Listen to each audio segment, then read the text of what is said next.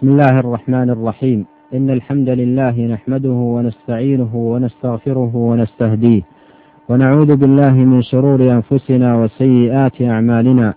من يهده الله فلا مضل له ومن يضلل فلا هادي له. وأشهد أن لا إله إلا الله وحده لا شريك له. وأشهد أن محمدا عبده ورسوله صلى الله عليه وعلى آله وأصحابه أجمعين وسلم تسليما كثيرا. أما بعد أيها المستمعون السلام عليكم ورحمة الله وبركاته.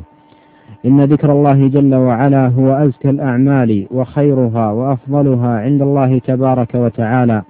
ففي المسند للإمام أحمد وسنن ابن ماجة ومستدرك الحاكم وغيرها من حديث أبي الدرداء رضي الله عنه قال قال رسول الله صلى الله عليه وسلم ألا أنبئكم بخير أعمالكم وأزكاها عند مليككم وأرفعها في درجاتكم وخير لكم من إعطاء الذهب والورق وخير لكم من أن تلقوا عدوكم فتضربوا أعناقهم ويضربوا أعناقكم. قالوا بلى يا رسول الله.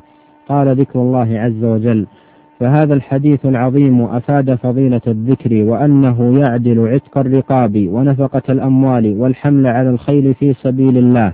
ويعدل الضرب بالسيف في سبيل الله.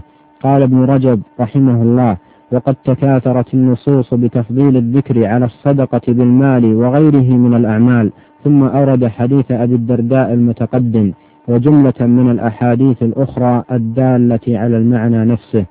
وقد ذكر ابن أبي الدنيا كما في الترغيب والترهيب للمنذري وقال إسناده حسن عن الأعمش عن سالم ابن أبي الجعد. قال قيل لأبي الدرداء إن رجلا أعتق مئة نسمة قال إن مئة نسمة من, ما من مال رجل كثير وأفضل من ذلك إيمان ملزوم بالليل والنهار وألا يزال وألا يزال لسان أحدكم رطبا من ذكر الله تعالى. فبين رضي الله عنه وأرضاه فضل عتق الرقاب وأنه مع عظم فضله لا يعدل ملازمة الذكر والمداومة عليه. وقد جاء في هذا المعنى آثار كثيرة عن السلف رحمهم الله. يقول ابن مسعود رضي الله عنه لأن أسبح الله تعالى تسبيحات أحب إلي من أن أنفق عددهن دنانير في سبيل الله. وجلس عبد الله بن عمرو وعبد الله بن مسعود رضي الله عنهم. فقال عبد الله بن مسعود لأن آخذ في طريق أقول فيه سبحان الله والحمد لله ولا إله إلا الله والله أكبر أحب إلي من أن أنفق عددهن دنانير في سبيل الله.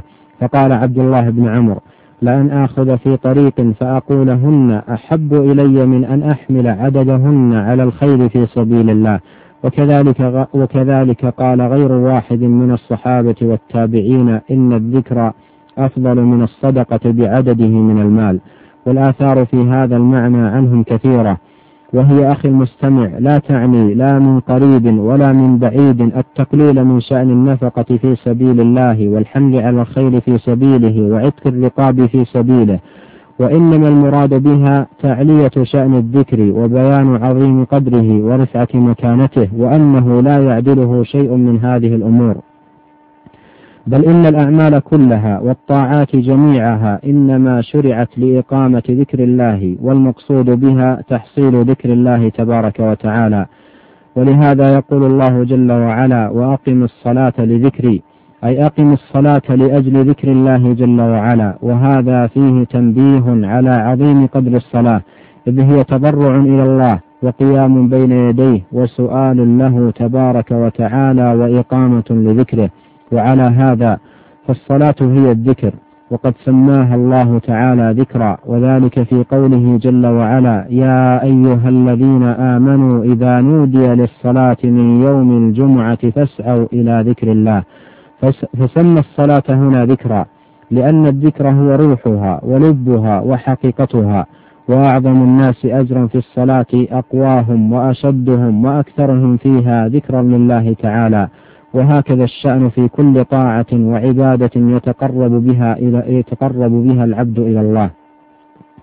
روى الإمام أحمد والطبراني من طريق عبد الله بن لهيعة قال حدثنا زبان بن فائد عن سهل بن معاذ بن أنس الجهني عن أبيه عن رسول الله صلى الله عليه وسلم أن رجلا سأله فقال أي المجاهدين أعظم أجرا يا رسول الله فقال أكثرهم لله ذكرا فقال فأي الصائمين أكثر أجرا؟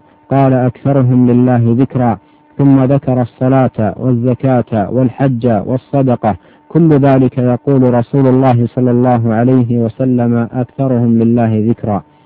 فقال أبو بكر لعمر رضي الله عنهما ذهب الذاكرون بكل خير. فقال رسول الله صلى الله عليه وسلم أجل. قال الهيثمي رحمه الله وفيه زبان بن فائد وهو ضعيف وقد وثق وكذلك ابن لهيعة. انتهى كلامه. لكن له شاهد مرسل بإسناد صحيح رواه ابن المبارك ابن المبارك في الزهد. قال أخبرني حيوة. قال حدثني زهرة بن معبد أنه سمع أبا سعيد المقبري يقول قيل يا رسول الله أي الحاج أعظم أجرا؟ قال أكثرهم لله ذكرا. قال فأي المصلين أعظم أجرا؟ قال أكثرهم لله ذكرا. قال فأي الصائمين أعظم أجرا؟ قال أكثرهم لله ذكرا. قال فأي المجاهدين أعظم أجرا؟ قال أكثرهم لله ذكرا. قال زهرة فأخبرني أبو سعيد المقبري أن عمر بن الخطاب رضي الله عنه قال لأبي بكر رضي الله عنه ذهب الذاكرون بكل خير. وله شاهد آخر أورده ابن القيم في كتابه الوابل الصيب قال وقد ذكر ابن أبي الدنيا حديثا مرسلا أن النبي صلى الله عليه وسلم سئل أي أهل المساجد خير؟ أي أهل المسجد خير؟ أي أي أهل المسجد خير؟ قال أكثرهم ذكرا لله عز وجل. قيل أي أهل الجنازة خير؟ قال أكثرهم ذكرا لله عز وجل. قيل فأي المجاهدين خير؟ قال أكثرهم ذكرا لله عز وجل. قيل فأي الحجاج خير؟ قال أكثرهم ذكرا لله عز وجل. قيل وأي العواد خير؟ قال أكثرهم ذكرا لله عز وجل. قال أبو بكر رضي الله عنه ذهب الذاكرون بالخير كله. فالحديث بشاهديه صالح للاحتجاج إن شاء الله. ومعناه الذي دل عليه حق لا ريب في صحته. يقول ابن القيم رحمه الله إن أفضل أهل كل عمل أكثرهم فيه ذكرا لله عز وجل. فأفضل الصوام أكثرهم ذكرا لله عز وجل في صومهم. وأفضل المتصدقين أكثرهم ذكرا لله عز وجل وأفضل الحجاج أكثرهم ذكرا لله عز وجل وهكذا سائر الأعمال. ثم أورد الحديث المتقدم وأورد عقبه عن عبيد بن عمير رحمه الله أنه قال إن أعظمكم هذا الليل أن تكابدوه وبخلتم بالمال أن تنفقوه وجبنتم عن العدو أن تقاتلوه فأكثروا من ذكر الله عز وجل. أخي المستمع إن ذكر الله تعالى هو أفضل الأعمال وهو أكبر من كل شيء. يقول الله جل وعلا اتل ما أوحي إليك من الكتاب وأقم الصلاة إن الصلاة تنهى عن الفحشاء والمنكر ولذكر الله أكبر. أي ذكر الله لكم أكبر من ذكركم له. أي ذكر الله لكم أكبر من ذكركم له في عبادتكم وصلواتكم وهو ذاكر من ذكره. قال معناه ابن مسعود وابن عباس وأبو الدرداء وأبو قرة وسلمان والحسن واختاره ابن جرير الطبري. وقيل ذكركم الله في صلاتكم وفي قراءة القرآن أفضل من كل شيء.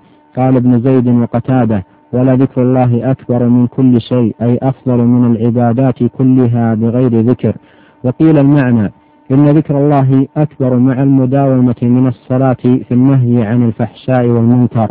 قال شيخ الإسلام ابن تيمية رحمه الله الصحيح أن معنى الآية أن الصلاة فيها مقصودان عظيمان وأحدهما أعظم من الآخر فإنها تنهى عن الفحشاء والمنكر وهي مشتملة على ذكر الله تعالى ولما فيها من ذكر الله أعظم من نهيها عن الفحشاء والمنكر. انتهى كلامه رحمه الله. وقد سئل سلمان الفارسي رضي الله عنه أي الأعمال أفضل؟ فقال أما تقرأ القرآن ولذكر الله أكبر. وذكر ابن أبي الدنيا عن ابن عباس رضي الله عنهما أنه سئل أي العمل أفضل؟ قال ذكر الله أكبر. فالله أكبر كبيرا والحمد لله كثيرا وسبحان الله بكرة وأصيلا ملء سماواته وملء أرضه وملء ما بينهما وملء ما شاء من شيء بعد. لا ينقطع ولا يبيد ولا يفنى. عدد ما حمده الحامدون وعدد ما غفل عن ذكره الغافلون عدد خلقه ورضاء نفسه وزنة عرشه ومداد كلماته. وصلى الله وسلم على نبينا محمد وعلى آله وأصحابه أجمعين. وإلى لقاء آخر على ذكر لله جل وعلا في حلقة قادمة إن شاء الله. والسلام عليكم ورحمة الله وبركاته.